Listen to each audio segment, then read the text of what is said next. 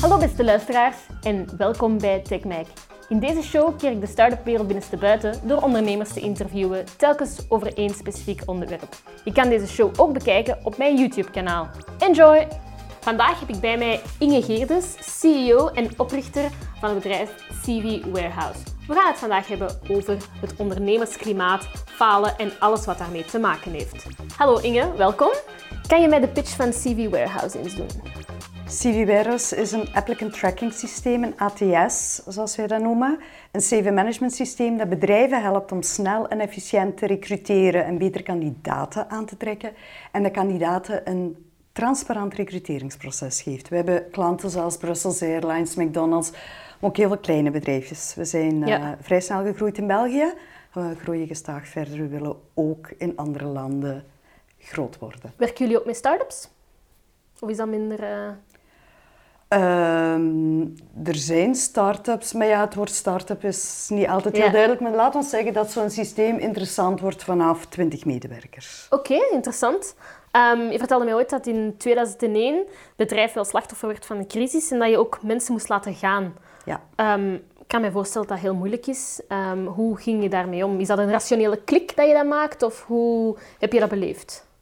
Als je mensen moet ontslaan omwille van een markt die verdwenen is, omwille van een crisis, ja, dan heb je maar één keuze. Ja, Ofwel laat je een aantal mensen gaan en houd je nog werk over voor een beetje mensen. Ofwel gaat je overal failliet en houd je voor nie- nie- niemand nog iets over. Ja. Dus is dat moeilijk? Dat is helemaal niet plezant. Eh, de dag voordat je de aankondiging doet, lig je wakker. ja. Ben je zenuwachtig. Als ondernemer moet je doen wat je moet doen. Ja. Dus rationeel moet je dan wel... Heb je geen keuze of Ja. er blijft niks over. Als je terugkijkt, terugblikt op je carrière, uit welke tegenslagen heb je zo al het meest geleerd? Het allemaal, vrees ik. Eh, en ik ben ook heel blij dat ik nooit een glazen bol heb gehad. Ehm, ik denk, voor mij heel belangrijk is, is eh, hire slow, fire fast. Ja, Zorgen dat je de juiste mensen hebt. Ja. En dat gaat niet altijd over de, de, de beste skills, maar het is enorm belangrijk om de juiste attitude, om een, een draagvlak te hebben. Een tweede wat heel belangrijk is, is cash. Ja. Altijd zorgen dat je je debiteuren goed opvolgt, niks op zijn beloop laten, zodat het bedrijf echt eh, gestaag verder kan groeien. Ja. wordt dat nog onderschat, die cashflow? Ik heb de indruk dat dat altijd zwaar onderschat wordt, zeker in het begin, als je er nog geen ervaring mee hebt. Ja. Ja, als ik kijk naar start-ups en falen, hè, dat onderwerp wordt steeds vaker bespreekbaar gemaakt. Ehm, maar ik mij afvraag, vind je dat start-ups eh, faalmomenten nodig hebben om veerkracht te creëren? Of denk je van, oké, hoe meer ze dat falen uit de weg kunnen gaan, hoe beter? Falen en falen zijn twee. Hè. Is goed op je bek gaan. Hè. Leren fietsen doet ook niet zonder eens af en toe van je fiets te donderen. Dat is niet erg. Leren fietsen op een autostrade gaat dat ook niet doen. Nee. Dus falen en er onderdoor gaan en schulden hebben voor de rest van je leven, zou ik helemaal niet aanmoedigen. Ja. Falen is een klant verliezen omdat je geen goede service hebt gegeven. Ja, daar kun je enorm van leren. Dus hangt er een beetje vanaf over welk falen we het hebben. Oké. Ehm, je trok ook mee aan de kar van de Failing Forward campagne van onder andere start-ups en de Vlaamse overheid. Ehm, wat ik mij afvraag, ik krijg daar heel veel over te horen, of ik zie daar heel veel over van ja, dat falen, dat wordt hier te veel eh, opgerakeld. Je zou nog denken dat het eh, een trendy iets is. Ehm, waar ligt die lijn bij zo het stimuleren daarvan en het, eh, het, het bespreekbaar maken? Falen stimuleren is nooit aan de orde. Oké, Je gaat een kind ook niet stimuleren om Nee. te vallen. nee, dat is waar. Dus falen bespreekbaar maken en dat stimuleren. Kijk, hè, als, je, als je onderneemt, dan denk ik, ai, voor mij en ik denk voor anderen, dat je negen keer op je bek gaat en de tiende keer succes hebt. Dus het is gewoon veel meer aanwezig dan het echt succesvol jackpot draaien of wat Ja. dan ook. Dus eh, falen hoort erbij. Dus het is ook logisch dat je erover spreekt of dat dat ehm, mee in het pakket zit. Als je Ja. zou denken dat er niet bij is, ja, dan, dan, ai, dat kun je niet ondernemen. Dus bespreekbaar maken, ja. Maar in België zou ik het toch niet te hard stimuleren. Je zegt in België zou ik het toch niet te hard stimuleren. Heb je het dan over het om het zacht uit te drukken, het iets, soms iets ongunstigere ondernemersklimaat van ons land? Ik heb het dan over de gevolgen die dat met zich meebrengt als iemand echt faalt, als iemand echt failliet gaat. Er zijn heel, veel, uh, heel wat schulden die niet verschoonbaar zijn, die je erft of die je, die je privé krijgt. Ehm, de maatschappij uh, uh, is er niet, niet echt heel, heel klaar voor en vriendelijk voor. Is dat iets Europees? Is dat iets Belgisch? Dat heeft toch wel met de lokale wetgeving te maken, ja. of dat wel of niet kan. Um, iemand die faalt krijgt ook niet zomaar een vervangingsinkomen. Ja. Dat zijn allemaal indicatoren dat het systeem falen niet aanvaardt en dan gaat de rest falen ook niet aanvaarden. Maar als we daar nu eens met een kritische blik naar kijken, um, kijk naar ons land, ondernemerschap aan zich wordt er ook niet echt gestimuleerd. Ja, maar dat gaat samen. Dat is waar. Helaas. Je, kunt, je bedoel, als je faalt en je, je loopt zoveel risico persoonlijk, welke zotte gaan dan ondernemen? Ja. Moest Toch falen. veel blijkbaar. Niet zoveel in percentage, hè, vergeleken met de rest van de wereld. Ik denk dat je dat eens moet opzoeken. Ik denk dat we in, de, in de, heel de wereld op 11% zitten, ondernemerschap van de, van de um, werkende bevolking. En ik denk dat we in, in België rond uh, anderhalf of 2 procent. Ik weet het niet zeker. In Silicon Valley gaat dat op naar 18 tot 20 procent bijvoorbeeld. Ja.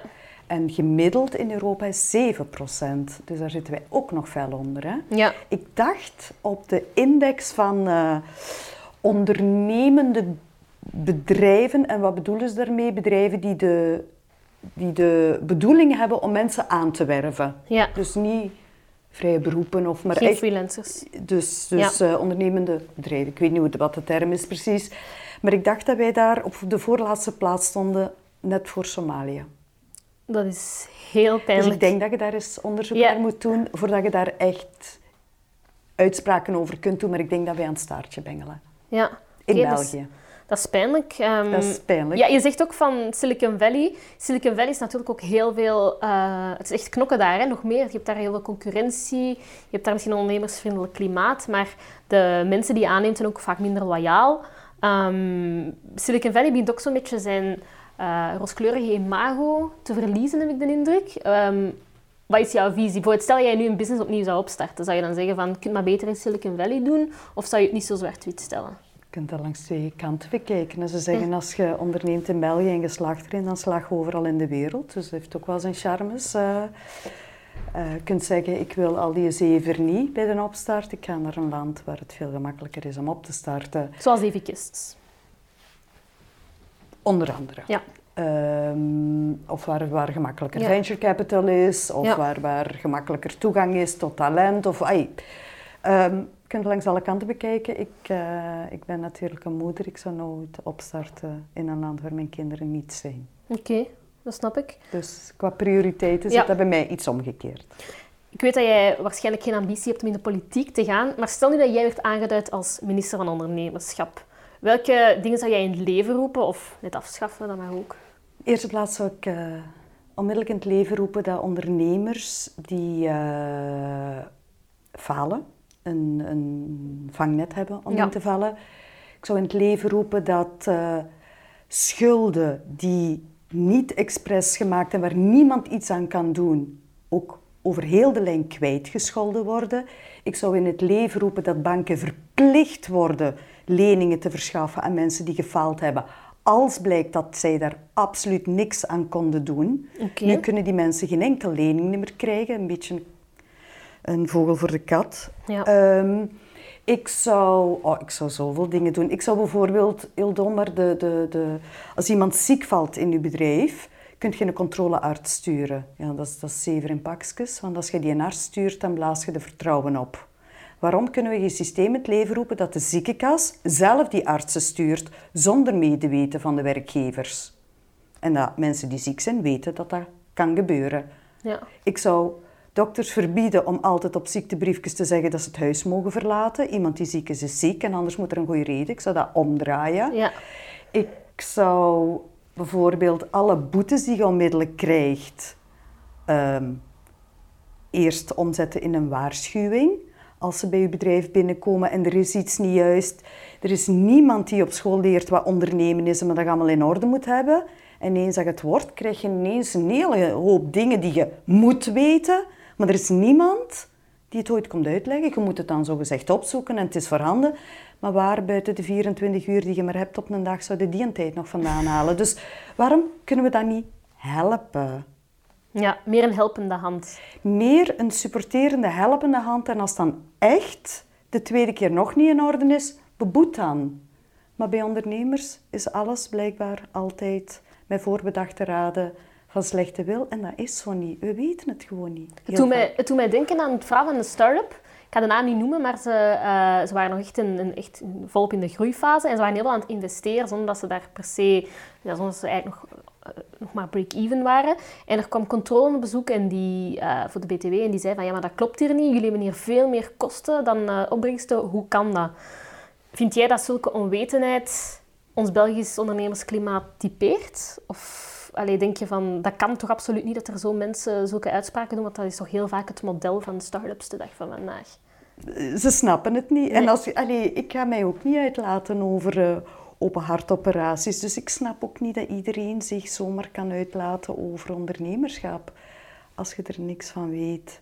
Ja. Um, in welke mate gebeurt dat te veel? Dat er zo experts dingen komen verkopen? Ik denk dat in België heel veel mensen een mening hebben over ondernemen. Ja zonder dat ze zelf ondernemen. Ja, dat is waar. Um, we hebben het nu over een fictieve minister van Ondernemerschap. Uh, alle gekheid op een stokje, zou zoiets niet echt interessant kunnen zijn? Een minister van Ondernemerschap? Dat weet ik niet. Ik, um, ik denk dat uh, de, de,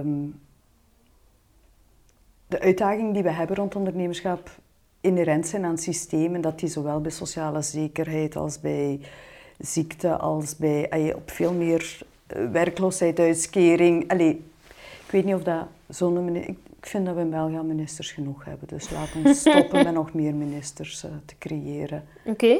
Of we moeten er een stuk of tien ergens kunnen afschaffen, dan wil ja. ik wel meedoen. Oké. Okay. Um, je hebt het ook je hebt vaker over, ja, heel veel mensen laten zich uit over ondernemerschap, ze weten niet wat het inhoudt. Het is echt een kwestie van een paar keer op hun bek gaan en dan le leren wat het echt inhoudt. Um, in welke mate hebben jouw uh, hindernissen um, jouw dingen bijgebracht? Of, of, hoe heb je vooral de motivatie kunnen, kunnen blijven behouden om er toch nog steeds voor te gaan, ondanks dat je, je toch een aantal dingen te verduren krijgt met vlak van werknemers, uh, financiën, um, mensen overtuigen van je product. hoe heb je die motivatie steeds behouden? Falen is geen optie in België, dus ja. dat is heel snel. Ja. Dat je weet wat je te doen staat. Kijk. Opnieuw die klik die je maakt. Ja, maar als, als je dat zo vraagt, klinkt dat als een klik? Ik vergelijk dat altijd met... Uh, stel dat er, dat er iets gebeurt met iemand in je familie die je heel graag ziet. Eh, wel, je wordt op zo'n moment een leeuwin om alles te doen om dat goed te krijgen. Ja. En dat gebeurt ook. En achteraf kun je dan zeggen, kijk eens wat ik gedaan heb eigenlijk op dat moment staat er niet bij stil en zit je gewoon aan het vroeten en aan het doen totdat je erdoor bent. Net zoals dat je je kinderen helpt of dat je iemand anders uh, ergens probeert door te sleuren. Ja. Ja. Uh, op dat moment ga je niet even rustig zitten en kijken, wat denkt je dat we nu kunnen doen? Ja. Je doet en dan achteraf kunnen zeggen, kijk eens wat ik gedaan heb. Oké. Okay. Um, stel nu dat, ja, je geeft ook aan sommige start-ups advies, als ik me niet vergis. Um, er zijn wat start-ups die mij advies vragen. En je investeer je soms ook? Dat nog niet. Nee, je zegt voorlopig is advies. Um, puur mentaal als echt praktisch, welke tips geef jij graag mee aan start-ups die bij jou te, te raden komen? De eerste tip die ik meestal geef als, ik, als ze een financieel model hebben, is stel maar uh, eh, 30% bij je kosten en trek maar 50% van je inkomsten af die je denkt uh, te hebben. En dat is gewoon omdat je kosten altijd oplopen. Je ziet niet alles in het begin qua boekhouders, qua legal, qua... Kan niet dat je alles ziet.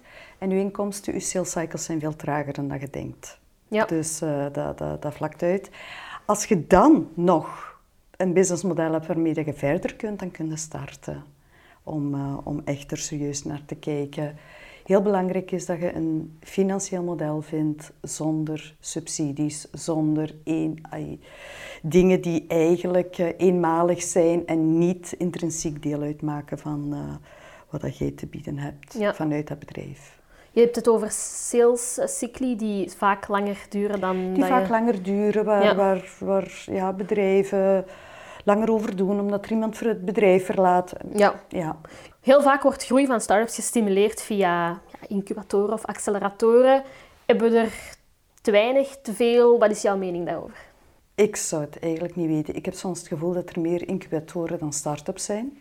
Echte start-ups. En dan heb ik het niet over het idee, maar echt gestart. Ja. En de eerste echte klanten, ik heb het niet over subsidies. Verder hoop ik dat veel bedrijven of starters daar terecht kunnen voor een werkplek, want ik denk Ja. dat dat altijd heel handig is. En verder Ja. eh, zie ik het niet. Ja, Ehm, maar er wordt wel veel gepitcht ook. Hè? In zo'n, eh allee, startups leren daar heel vaak ook pitchen. eh, een belangrijke ondernemersvaardigheid. Ja, dat klopt. Maar wat ik echt denk is, moesten nu al dat geld dat daaraan besteed wordt, is geven aan contracten vanuit de overheid aan start-ups en scale-ups. Moest je een start-up of een beginnend bedrijf echt laten kiezen tussen, wilt je gaan pitchen om je bekend te maken en geld op te halen, of wilt je een contract met de overheid om op die manier cash binnen te krijgen en verder te groeien, dan denk ik dat ik weet wat een Ja. antwoord is. En dat tweede is absoluut afwezig. Ja, jammer. Een gemiste kans. We kunnen er nog iets aan doen, hè? Ja, dat is waar. Ehm, zaken zoals falen en alles wat eigenlijk te maken heeft met ondernemerschap. Eh, we kunnen daar toch ook al... allee, In een ideaal scenario zouden we mensen daar, jongeren, voor kunnen, kunnen behoeden en een soort van alertheid creëren als eh, ondernemerschap meer in het onderwijs wordt geïntegreerd. Hoe zie jij dat? Ik denk dat je twee dingen door elkaar gooit. Eén, het systeem laat falen niet toe. Als je faalt, zit een vogel voor de kat in heel veel gevallen. Als je zelf geen net hebt waarin dat je kunt opgevangen worden. Dus hoe kun je bij jongeren stimuleren om, als een markt verdwijnt, als een markt verandert, als, er, als jij zelf ongeneeslijk ziek wordt. er zijn zoveel redenen waarom iemand faalt, wat dat je bij jongeren niet kunt wegnemen. Daartegenover staat dat hoe jonger mensen in aanraking komen met ondernemerschap, hoe beter. Ja. Maar eh, dat is niet absoluut. Dus falen is één ding.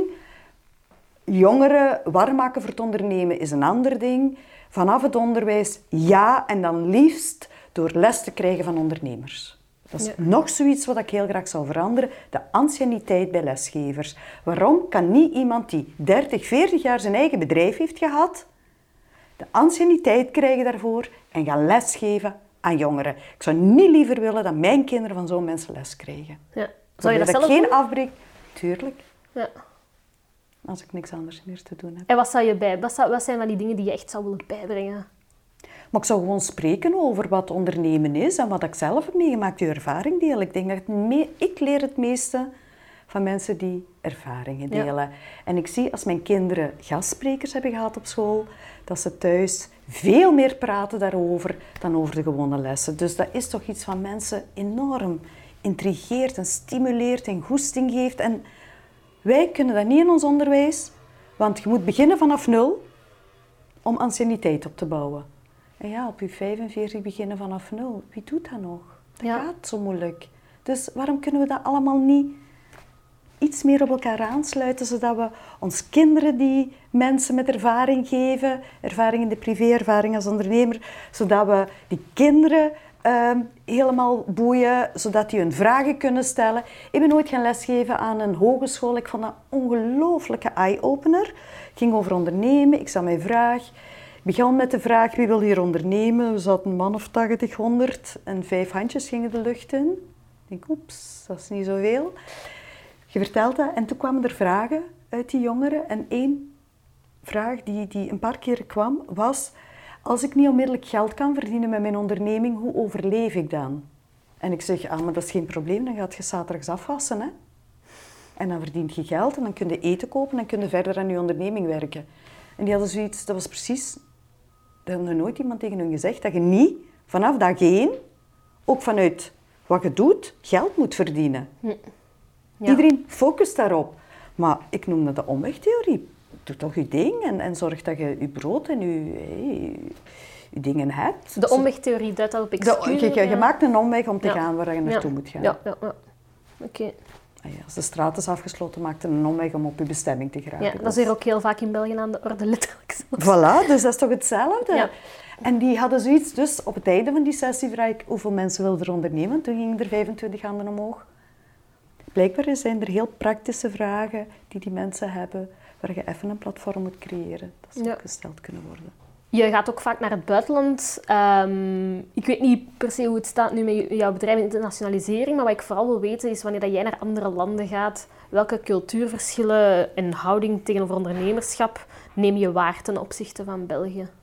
Ik zit ehm, heel veel in Lissabon. Ja. Simpele reden, meer dan de helft van mijn bedrijf eh, gevestigd is in Lissabon. Dus ik, eh, ik hou van Lissabon als stad. Ehm, ik ben er heel graag als ondernemer.